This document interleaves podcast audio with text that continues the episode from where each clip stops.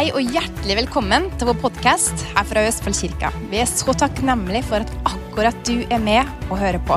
Og vi håper at dette vil være til oppmuntring og til inspirasjon for det. Nå er vi jo inne i advent, og julen er jo like rundt hjørnet. Så i den forbindelse så synes jeg naturlig å knytte noen tanker rundt noe det vi kaller for egentlig juleevangeliet, eller tekster som, som, har med det å gjøre. Så Vi leser en tekst til å begynne med med en gang. og Det er fra Lukas evangelium kapittel 2, fra vers 8 til 11. Det er kjente ord, men der leser vi. Nå var det noen gjetere på det stedet som oppholdt seg ute på markene og holdt vakt over flokkene sine om natten. Og se, en Herrens engel sto foran dem og Herrens herlighet strålte rundt dem, og de ble meget redde. Da sa engelen til dem, vær ikke redde, for se, jeg forkynner dere en stor glede som skal bli hele folket til del. For i dag er det født dere en frelser i Davids by. Han er Kristus, Herren. Jeg tenkte som så når jeg hører den teksten, at eh, der jeg vokste opp Jeg er jo en eh, avslippet trønder som flyttet fra Trøndelag da vi var 18 år gamle.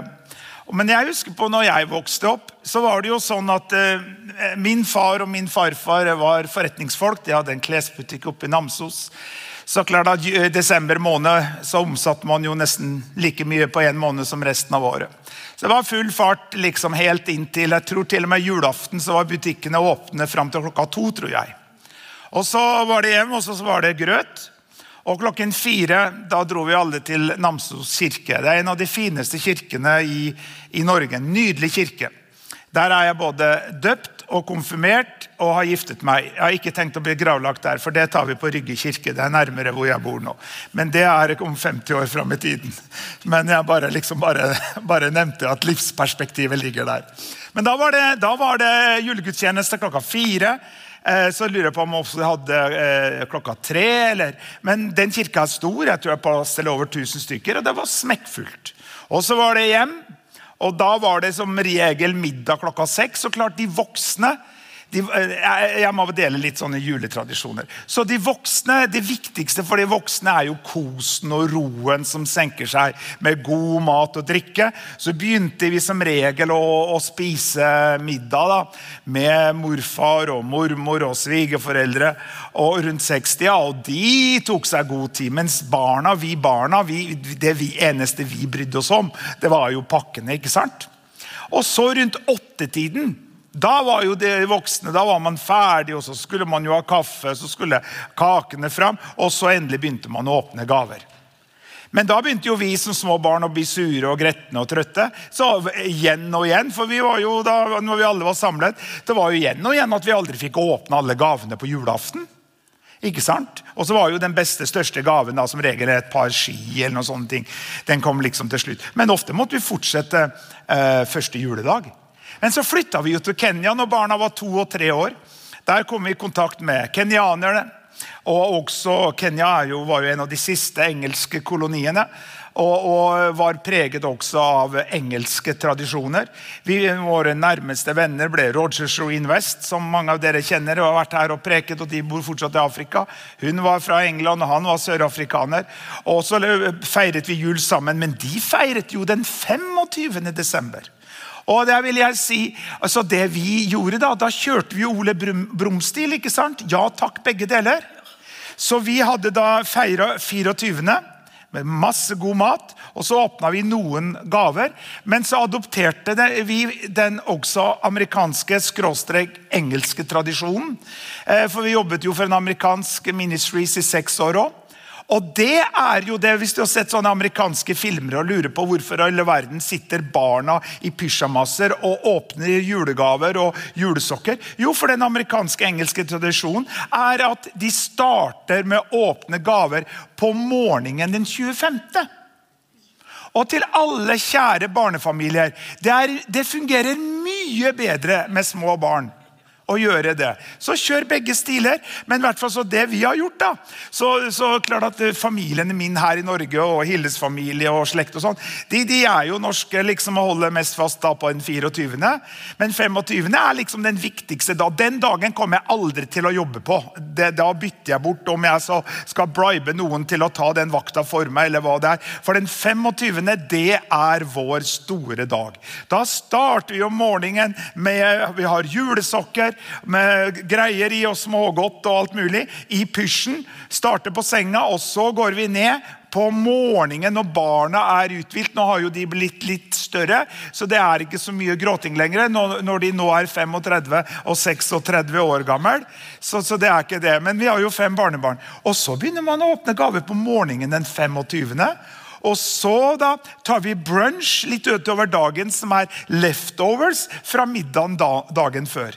Så det er Ole Brumm. Ja takk, begge deler. 24. og 25. Dette er gratis råd til alle barnefamilier. Det fungerer mye bedre enn å sitte og skal åpne masse gaver klokka halv ti 24. Så sånn er det. Så det gjør vi i år òg. Så vi gjør det. Men det hadde ingenting med denne juleteksten å gjøre. da. Men jeg tenkte jeg måtte bare smette det inn. Eh, når vi leser denne teksten, så må vi prøve å se for oss scenarioet. Fordi at det, det som da skjer, er jo at når en Herrens engel står foran dem, disse gjeterne Dette var jo uutdannede gjetere.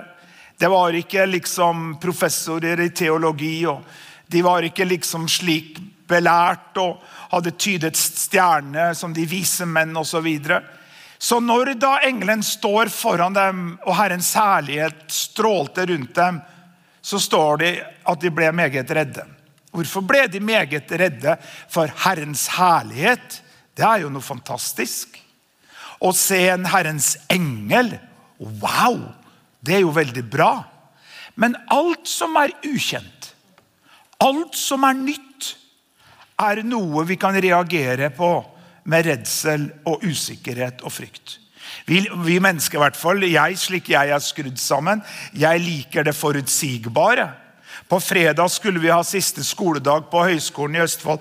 Ikke bare i dette semesteret, men faktisk i hele studiet. Jeg går jo tredjeåret på vernepleien før vi da går ut i fem måneders praksis. Og by the way, jeg fikk praksis på en skole som jeg ønsket meg. Så barneskole, her kommer bestefar og skal være på barneskole i praksis. Jeg storgleder meg. Det blir veldig bra. Men, men så fikk vi høre på morgenen at den forelesninga var avlyst. Men det likte ikke jeg. Jeg hadde planlagt oppi hodet mitt jeg skulle til høyskolen. Jeg hadde til og med sagt at jeg kom senere på aftenvakta pga. at de hadde satt opp en undervisning fra kvart over tolv til tre. Og så På morgenen så sa de jeg avlyst pga. Av sykdom. Det likte ikke jeg, så jeg dro allikevel. Jeg, dro, jeg fant en grunn til å dra til høyskolen. Jeg trengte noe hjelp på, på IT-support, og så trengte jeg kjøpe en pensumbok. For det er det som jeg hadde planlagt. Jeg liker ikke at noen messer opp mine planer. Bare spør familien min. Jeg liker det forutsigbare, jeg liker det faste. Men alt som er nytt, alt som er fremmed, kan vi reagere med frykt på. Selv om det som egentlig vi reagerer på, eller selv om det som vi erfarer, kan være noe positivt. Hva? Alt dette med koronaen, alt det som skjer i samfunnet. Det er, det, er, det, er, noe nytt på en måte for mange, selv om det kanskje ikke er det. Og Det som da er lett å gjøre, er å reagere med frykt. Og Da sier Herrens engel til dem, vær ikke redde.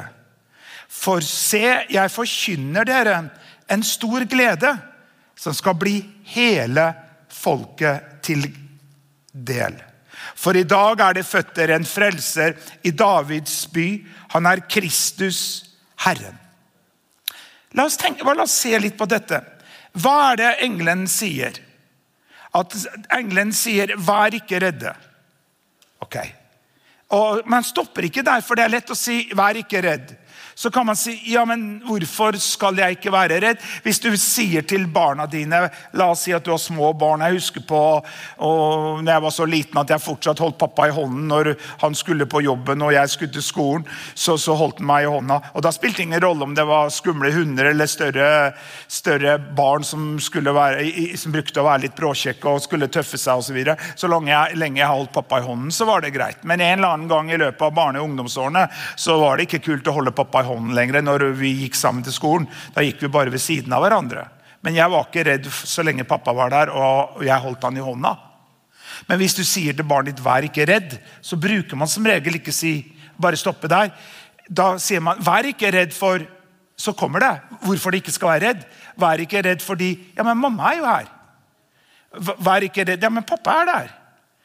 Eh, vær ikke redd. Ja, men jeg, jeg passer på hvis du faller på sykkelen, så jeg er her. Jeg støtter deg. Vær ikke redd. Ja, men jeg, jeg følger med deg. Så, man, så forklarer man hvorfor man ikke skal være redd. Budskapet i dag, mer aktuelt enn noen gang, er 'vær ikke redd'. Og Da er det jo lett å si ja, men det er lett for deg å si Gud. Du sitter jo langt der oppe, og liksom det er ganske langt fra himmelen til jord. og alt det der.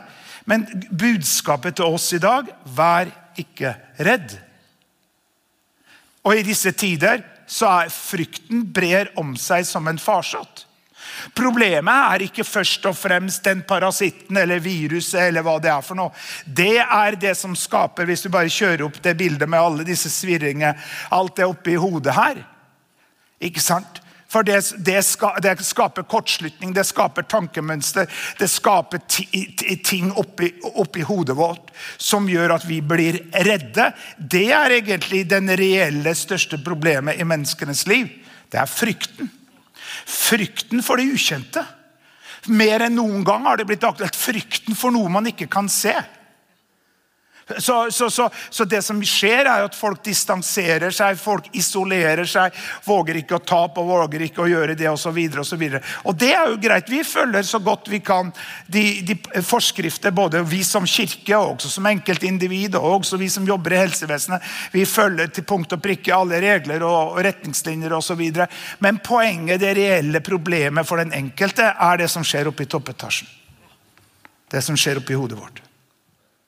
Og Da er det gode budskapet 'frykt ikke'. Så Hvis vi går tilbake til, til eh, Lukas 2, så sier da engelen 'vær ikke redde'. Og så kom, kommer det hvorfor man skal ikke være redd. Fordi jeg forkynner dere en stor glede som skal bli hele folket til del. Så her, nå, nå, vi, nå driver vi tekstanalyse.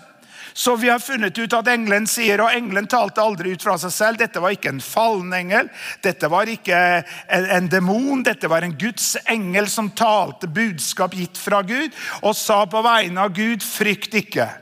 Og så kommer det. Fordi jeg forkynner dere en stor glede som skal bli hele folket til del. Og Dette er jo så fint, for det viser at det som da kommer, er ikke bare for jødene. Det var ikke bare for gjeterne. Det var ikke bare for de vise menn. Det var ikke bare en incident som, het, eh, som skjedde der i, i Betlehem. Men det skal, til, eh, bli til stor glede for hele folket. For alle folkeslag. Og Hvis vi da bare hopper litt, og som vi bare får opp Johannes 3, 16, som er jo det vi kaller eh, den lille bibel, som står det for så har Gud elsket verden, at han ga sin sønn den enbårne, for at hver den som tror på ham, ikke skal gå fortapt, men ha evig liv. For Gud sendte ikke sin sønn til verden for å dømme verden, men for at verden skulle bli frelst ved ham. Dette er det vi kaller den lille bibelen. Når jeg gikk til konfirmasjon for presten, så var dette det første bibelverset vi lærte oss. Og er, Om du kan bare det, så er det viktigste. Det er hele evangeliet i et nøtteskall. Det er evangeliet om Jesus Kristus som kom og døde for hele folket. Hele verden. I Lukas 2 så leste vi om at det er en glede som er til hele folket. I Johannes 3, 16 så leser vi om at, at dette, eh, så har Gud elsket verden at han ga sin sønn den enbårne. Så jeg vil la oss tilbake i Lukas 2. da. Så frykt ikke fordi jeg forkynner dere en stor glede som skal bli, det, som skal bli hele folket til del. Hvem er det som forkynner her? Eller formidler? Altså, Englene forkynner ikke evangeliet. så På, på gresk grunntekst er det sikkert et mer forklarende ord. Men altså, eh, forkynner i denne her sammenhengen snakker mer om jeg formidler dere, jeg forteller dere en god nyhet. Så poenget er Engelen sier, 'Vær ikke redd'. Og hvordan prøv, hva er botemiddelet for at man ikke skal være redd? Jo, det er at man får høre noe som kan ta vekk redselen. Får, det blir forkynt noe for deg som, er, som skal være til glede for hele folket. Men etter hvert som vi leser kirkehistorien, så vil ikke dermed sagt at ethvert enkeltindivid synes at det var en god nyhet. For vi husker jo Herodes, når han hørte nyhetene om at det var en frelser født, så var jo han livredd for å miste sin, sin, sin makt. Så han fikk jo drept alle barn som var to år eller mindre. Det viser jo hvilket grusomt tyranni han, han praktiserte. Hva? Så han syntes ikke det var en god nyhet. Og Her er hele tiden dilemmaet overfor hver eneste dag når du og jeg står opp. Så, vil, så, sier Gud igjen og igjen 365 dager i året. Derfor står det 'frykt ikke'. Det står minst 365 dager i Bibelen. Én for hver dag. Hvor Gud sier 'frykt ikke'. Eller 'vær ikke redd'. Hva? Men og fordi, og så kommer det Jeg forkynner dere en stor glede som skal være hele folket til del. Jeg forteller deg noe som gjør at frykten kan forsvinne. Og I denne sammenhengen så var det for i dag er det føtter en frelser i Davids by. Han er Kristus Herren. Så hvorfor skulle ikke bare gjeterne, hvorfor skulle ikke bare de vise menn, Hvorfor skulle ikke bare foreldrene til, til Jesus altså, Det var jo Gud som hadde gjort Maria gravid. så David, eh, Josef var jo ikke den biologiske far til, til Jesus, men han var jo en, på en måte som en stefar som tok hånd om familien sin. Eh, men poenget er det når at Bibelen sier at vi skulle ikke være redde, så var det ikke bare dem til del, men for all framtid. Hvorfor? For i dag er det en frelser oss født i Betlehem. Hans navn er Jesus Kristus. Og Det er jo, det er jo essensen av juleevangeliet. Fordi det er oss en frelser født. Men bare hvis vi får opp det fine bildet med Jesus i stallen og han blir født osv. Hvis at når Jesus ble født Det her er fra den filmen eh, Jesus fra Veien til Betlehem. ja. Nydelig bilde. Når Jesus da ble født, det i seg selv er en liten barn kan jo ikke ta bort frykt. En liten baby som ikke kan prate, som ikke kan gå osv. Hva ligger i det? Men vi vet jo at det er ikke enden på evangeliet. Det er jo begynnelsen på evangeliet. For i dag er det en frelser oss født. Jesus ble født som en baby, men vi vet hva som skjedde. Han vokste opp. Like etter det her så fikk da Josef og Maria beskjed av englene om å flykte til Egypt pga. Herodes da var ute etter å drepe alle, alle barn, alle guttebarn. Så De dro til Egypt, og gjennom de gavene som de hadde fått fra de vise menn Det viser hvordan Gud også tenker praktisk. Når de fikk gull og røkelse, myra Det står ingenting om at det var tre menn, by the way. Det står bare vise menn. Men alle har trodd at det var tre menn pga. at det omtales som gull, røkelse og myra. Men når vi snakker om gull, røkelse og myra, så snakker vi om penger. Men de, det, verdien av det som de fikk av de vise menn som dro dit, og så dro de tilbake, forholdt seg unna Herodes, så tok jo da Josef og Maria med seg lille barnet Jesus og flyktet til Egypt. Og var i skjul til da et nytt englebesøk. Fint med englebesøk vet du, når det er Gud, når det er fra Gud og ikke gamle, dårlige pizzadrømmer. Så var, fikk de et nytt englebesøk hvor engelen sa nå kan dere dra tilbake til Israel pga. at nå er Herodes som var ute etter å drepe Jesus, her tilbake igjen. Så fra Jesus var null år til han var tolv år, vet vi ingenting. Vi vet bare at han var store deler av den tiden i skjul i Egypt for å rett og slett berge livet. Så kommer de tilbake, og så leser vi om Jesus når han var tolv år gammel. Og han gikk som var hans vane, var hans tradisjon. Så gikk han i synagogen på sabbaten kirken på den tiden. Og, og, Der satt han ned sammen med de skriftlærde. Og, og Josef og Maria dro tilbake etter gudstjenesten og oppdaget det var vel ganske full fart. da, For de oppdaget først etter flere dager at ett barn, barn mangla. Jeg vet ikke hvor lang tid det har tatt før Kenneth og Hanna har oppdaget en gang hvis dere har vært på et kjøpesenter, at det mangler én av tre. Men, men, men, det går i hvert fall ikke flere dager. Nei, det går ikke flere dager. Det, og Så dro de tilbake så fant de Jesus sittende sammen med de skriftlærde og fariseerne. Og de var slått av undring over hans kunnskap. Han stilte spørsmål som ikke var sedvanlig for en tolvåring. Hvorfor det? Fordi han hadde studert Skriftene. Han var jo et jødisk barn som var opplært i, i, jødiske tradisjoner. Og jødiske tradisjoner var at de lærte store deler av Toranen, som det heter blant jødene. Store deler av Det gamle testamentet lærte de seg utenat. Bibelvers på bibelvers. bibelvers. De kalte ikke Bibel, de kalte det for Toranen, de kalte, kalte det Gamle testamentet. Så Jesus hadde, gikk i skole, lærte seg eh, hebraisk, eh, og, gresk osv. Ikke sant? Så, og så var Jesus 12 år, og så leser vi ikke så mye om Jesus før han igjen da kommer på scenen rundt 30 år gammel. Og Johannes døperen, som var profeten på den tiden, peker på Jesus da han stiger fram blant folk og sier se der, se der er Guds lam som bærer verdens synder. Følg ham. Og I det øyeblikket så var jo eh, Johannes' ministries over. For alle da begynte jo å følge Jesus. Men det Johannes var bare glad til. Så ble han døpt av Johannes døperen. Og når han stiger opp av vannet, så hører vi en røst som sier, 'Dette er min sønn, den elskede. I han har jeg behag.' Så ble Jesus ledet ut i ødemarken i 40 dager, hvor han ble testet, prøvet av djevelen i 40 dager og 40 netter. Men overvant fristelsen gjennom at han hadde lært seg hvordan skulle stå imot fristelse.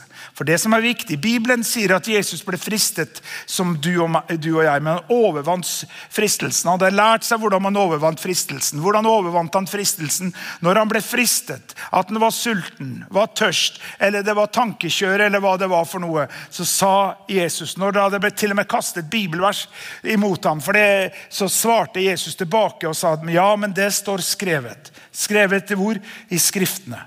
Han bekjente Guds ord. Han sa det står skrevet. Og Det er akkurat samme måten du og jeg overvinner fristelser på. Det er akkurat på samme måten som du og jeg når vi har tøffe dager. Så tar vi det Jesusbaserte prinsippet, hvordan vi overvinner fristelser. Uansett hva vi tenker, uansett hva vi føler, så sier vi bare helt enkelt rett opp og ned og sier ja, men det står skrevet. Skrevet hvor? I Bibelen. Og så sier vi det igjen og igjen og igjen og igjen til vi merker at fristelsen eller tankekjøret eller negative følelser slipper taket. Hva er det vi gjør? Vi tar Guds ord og sier det igjen og igjen og igjen. Og Dette er liksom en av mine yndlingsmål å undervise på. Hvorfor? Fordi det talte ordet er sterkere enn det tenkte ordet. Hvordan bryter du en negativ tankebane i, i hodet ditt? Jeg, bare, jeg, har gjort det eksempelet mange ganger. Begynn å telle inni deg. Ikke si det høyt, men begynn å telle inni deg. 1, 2, 3, 4. Bare begynn å telle inni deg. Bare tell. Og så Hvis jeg spør deg hva heter du for noe, hvor bor du og hvor gammel er du, si det høyt. Si hva du heter, hvor gammel du er og hvor du bor. Bare si det høyt. Si det. Hva, hva skjer? Når du da begynner å si noe annet enn det du tenker, hva skjer med eh, tellinga inni deg? Den stopper opp. Hvorfor? Fordi det talte ordet er sterkere enn det tenkte ordet.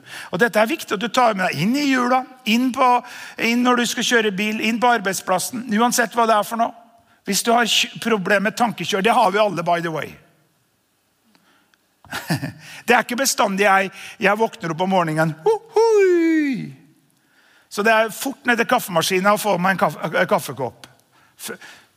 Som ofte Hvis Hilde ser uttrykket mitt at jeg er ikke helt der, så sier vi snakkes, ta kaffe først. Det er før og etter kaffe. Ja, det er ikke så ille, da, men, men skjønner du. Men det som da skjer, er at ja, man kan jo våkne opp og så begynne å spinne en negativ tankebane. Men hva gjør du da? Jo, du begynner å prate om noe annet. Du begynner bare å si noe annet. Det her går nok bra. Det går bra. Jeg får betalt strømregninga hvis det er det det er. Eller hva det er for noe. Det her går fint. Jeg klarer å stoppe eksamen. Eller du sier 'Jeg har lekt ved Jesus-år'. Det her går bra. Jeg blir sterkere og sunnere og bedre for hver dag. Gud gir meg visdom i det her. Gud forteller meg hva jeg skal si når jeg sitter i det møtet. Det går bra. Og så hva er det du begynner å gjøre? Du bygger en tro. Du, du, du, du, velger bort frykten, du velger bort engstelsen. Og du sier 'velkommen inn, fred', velkommen inn. For Hvorfor? For jeg forkynner dere en stor glede i dag. Om vi kan få tilbake Lukas 2, hvor det står å se en Herrens engel sto foran dem, og Herrens herlighet strålte rundt dem, og de ble meget redde. Da sa engelen til dem, 'Vær ikke redde, for se, jeg forkynner dere en stor glede' som skal bli hele folket til del. Bibelen sier i Romerne 10 så kommer da troen av forkynnelsen og forkynnelsen av Guds ord. Det er mange som prediker i disse dager.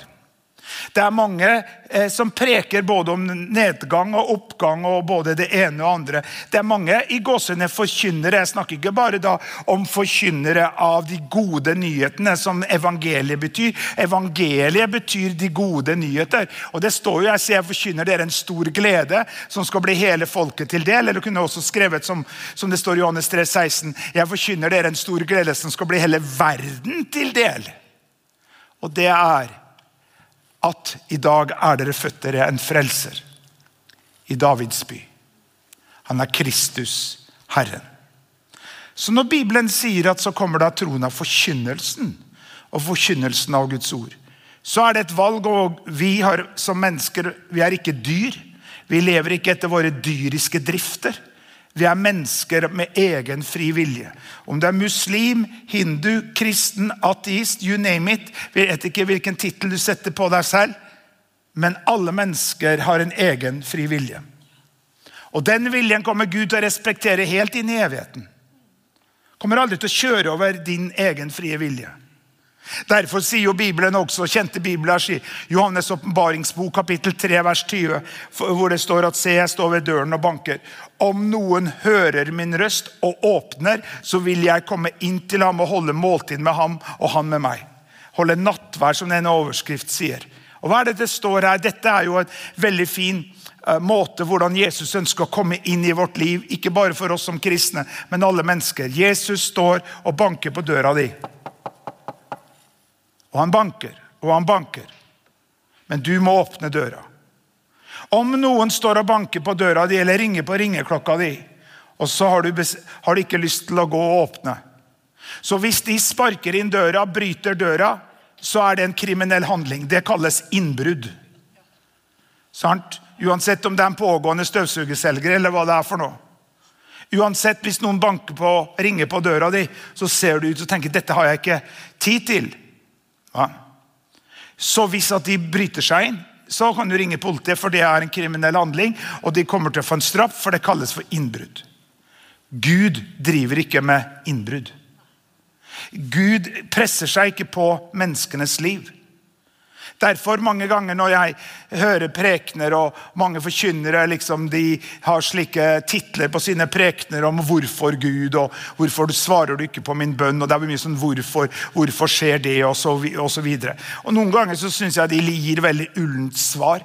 Mitt klare eh, forklaring på dette, hvorfor vonde ting skjer, det er jo veldig enkelt, fordi det fins vonde krefter i denne verden. Det er ikke veldig vanskelig å se. Om, om, det var bare Gud som fantes i denne verden av slike usynlige krefter, så vil jo dette være himmel på jord. Det vil vi jo en dag få oppleve i himmelen. Der kommer ikke djevelen og mørket og sykdom og frykt og engstelse kommer til å være. Der kommer bare Gud og englene hans og alle mennesker som tror på Jesus til å være. Det kommer til å være godt å være. Men det, jeg tror ikke vi alle, jeg tror ikke vi trenger å ha en lang diskusjon på at vi er ikke i himmelen ennå. Det kommer ikke til å være korona i himmelen, by the way. Skjønner du? Som er mange ganger det store fryktgreien for mange mennesker i dag. Hva? Så det, djevelen er løs. Men som Kenneth delte på begynnelsen, når vi ba sammen her på morgenen, så sa han at vi agerer ikke ut fra et ståsted hvor vi prøver å vinne men vi agerer ut ifra et ståsted at seieren har allerede blitt vunnet gjennom Jesus Kristus. Fordi at Bibelen sier at han avvæpnet maktene og myndighetene da han stilte dem fram til spott og spø da han triumferte over dem på Golgata kors. Seieren er allerede vunnet. vunnet. Djevelen, mørkets makt, alt det destruktive vet jo at deres dager er talte. De vet jo hvis at djevelen kommer til deg og så sier ha, din framtid ser ikke veldig lys ut. Du hører liksom sånn tankekjør der, prøver bare å gjøre litt sånn dramatisk. da. Sier ikke at djevelen står der med ljåen, eller hva et eller annet. men også at du blir plaget av at din framtid ser ikke særlig lys ut.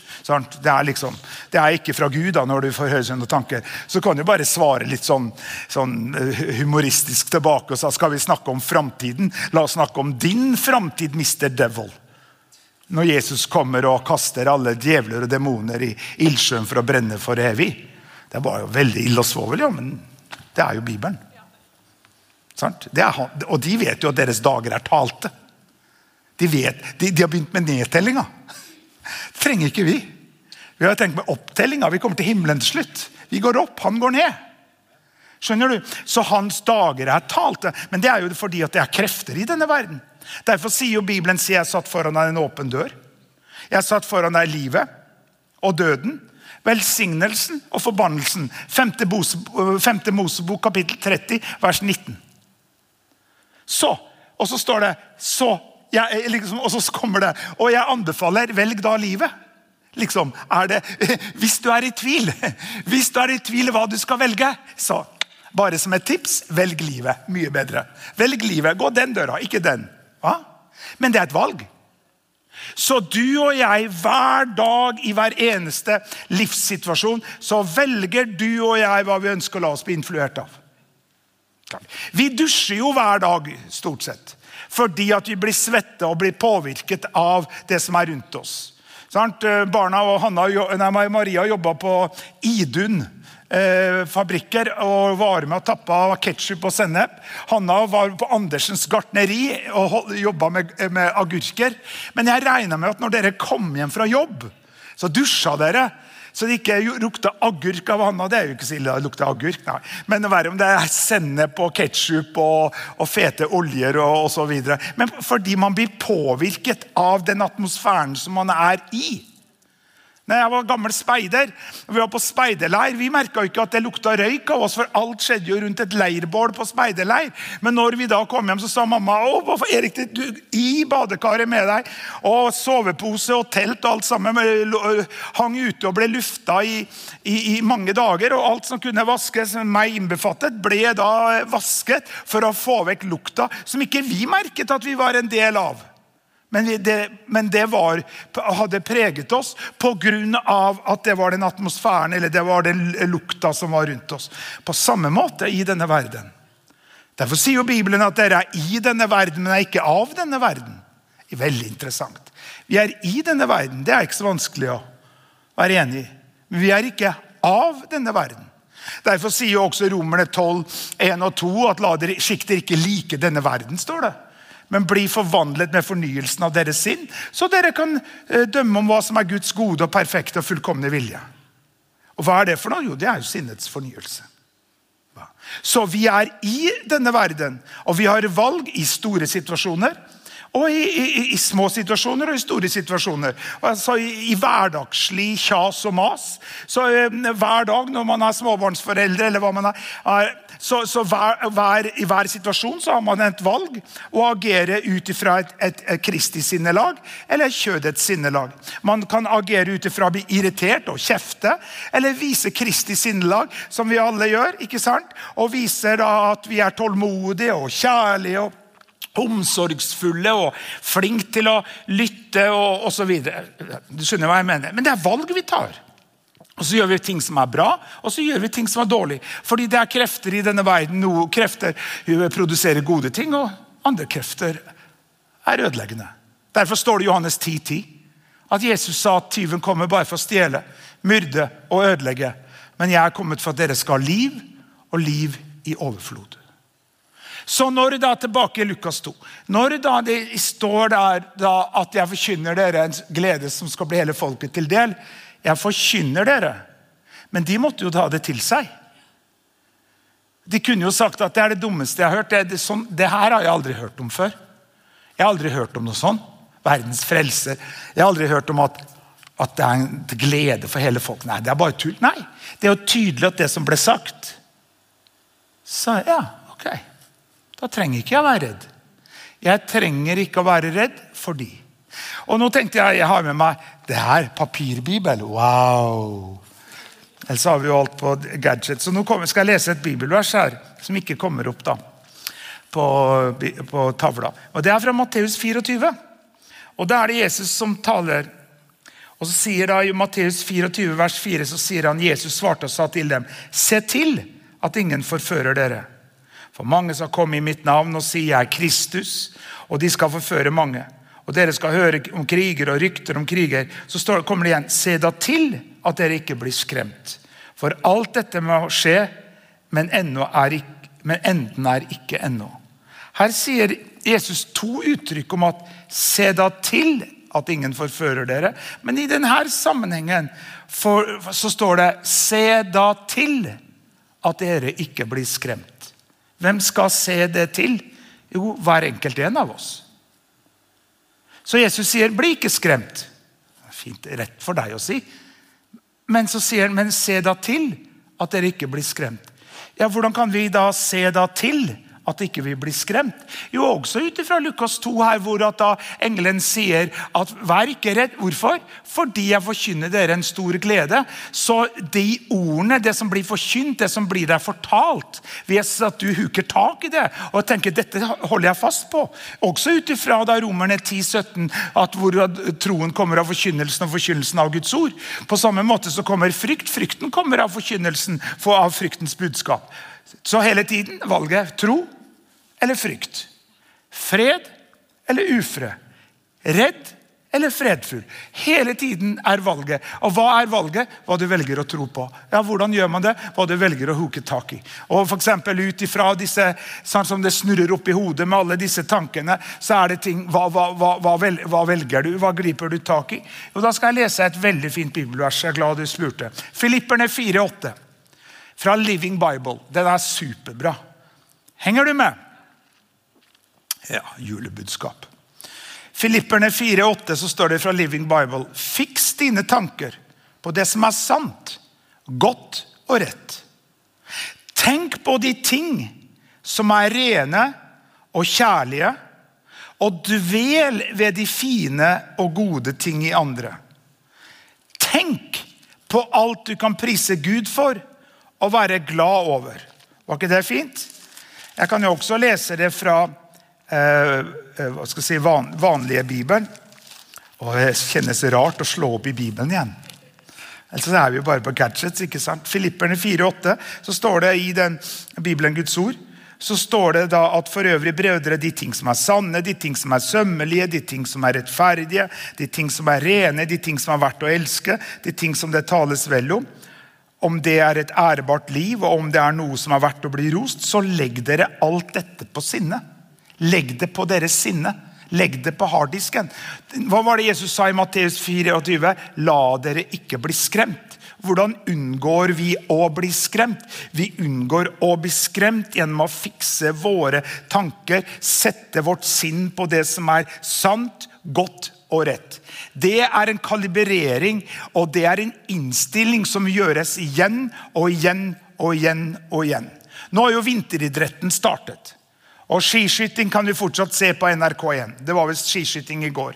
Men det som er interessant da, når de ligger der eller står og skal skyte på standplass, så er det noen vimpler som blåser. Og så ser de hvor mye vind som det er. For de skal jo skyte om det er 100 meter. eller hva det er. Og Hvis det er veldig kraftig vind, så hva er det de gjør? Jo, de kalibrerer. De stiller inn kikkertsiktet. De stiller inn eh, eh, hvordan at geværet skal, eh, skal, skal, skytes. For hvis det er sterk vind, så må de kanskje eh, dreie ett eller to knepp mot høyre eller ett eller to knapp mot venstre for at de skal treffe blinken. Det stormer i denne verden, folkens. Det ser vi alle sammen.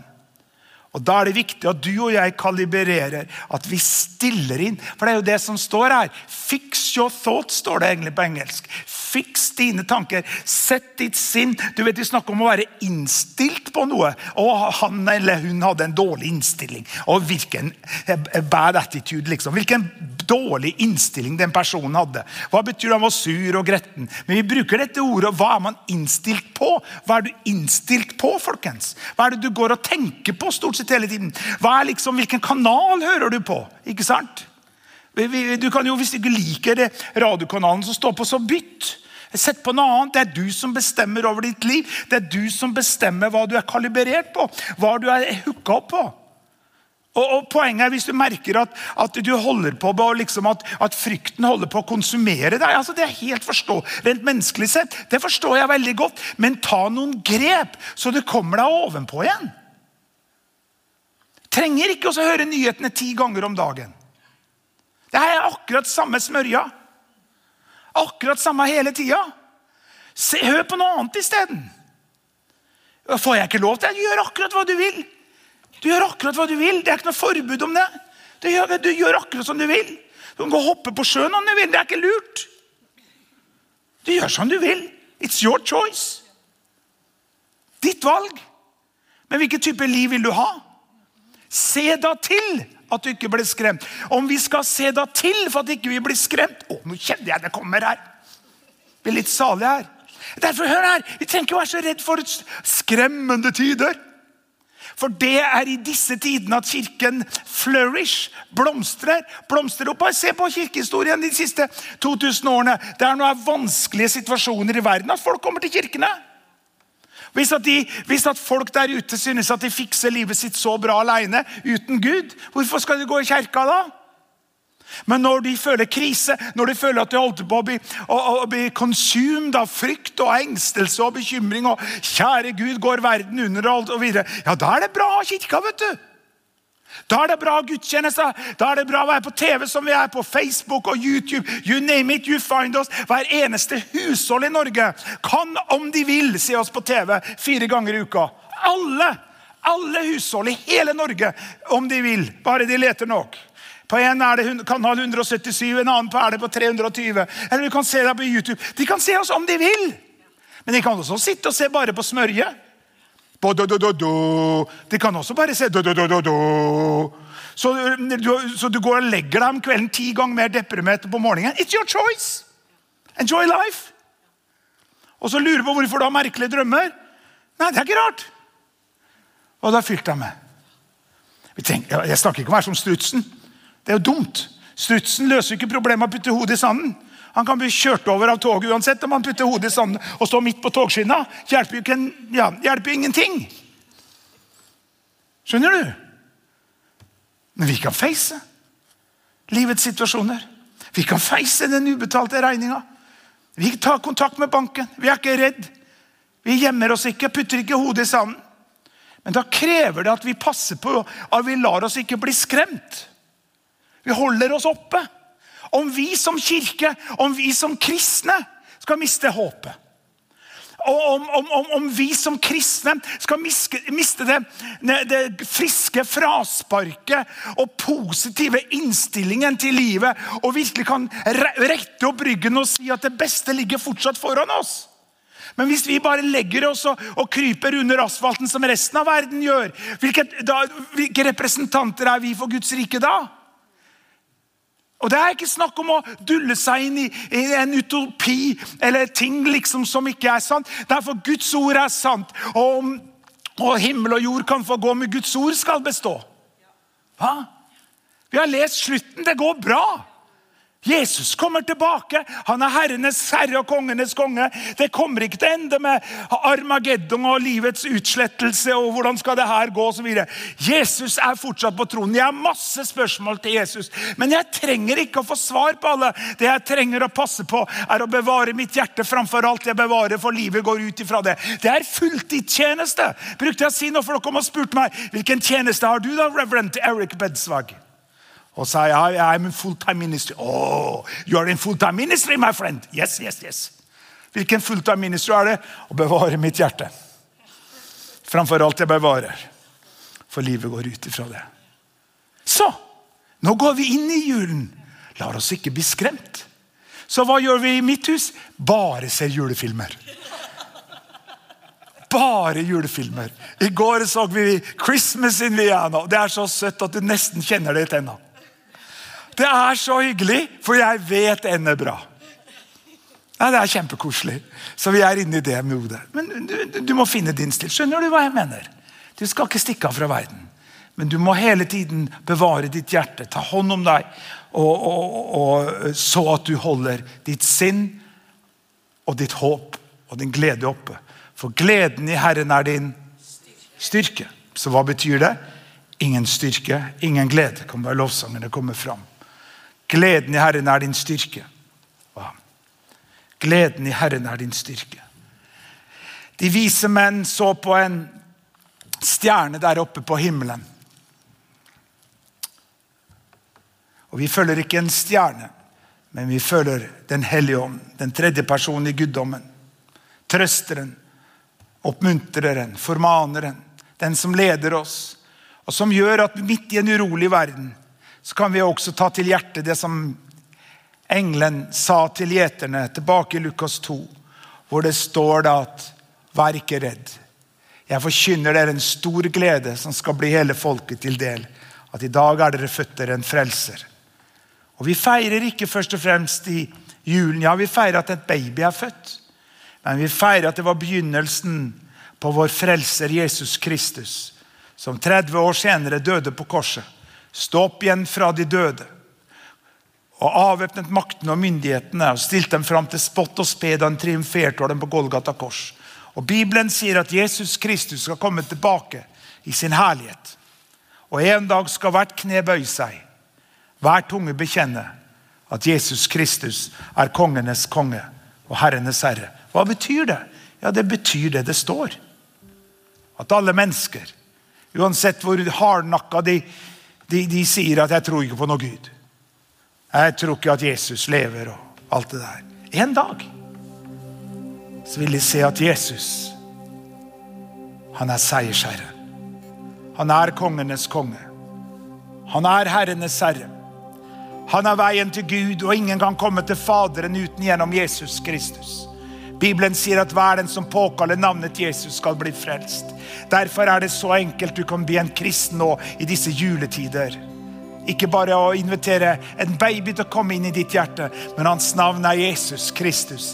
Han er Guds sønn, han er verdens frelser, han er verdens håp. Han er den som stilner ditt hjerte, han er den som tilgir din synd. Han er den som renser deg i sitt blod. Så ber den enkle bønnen og si, kjære Jesus.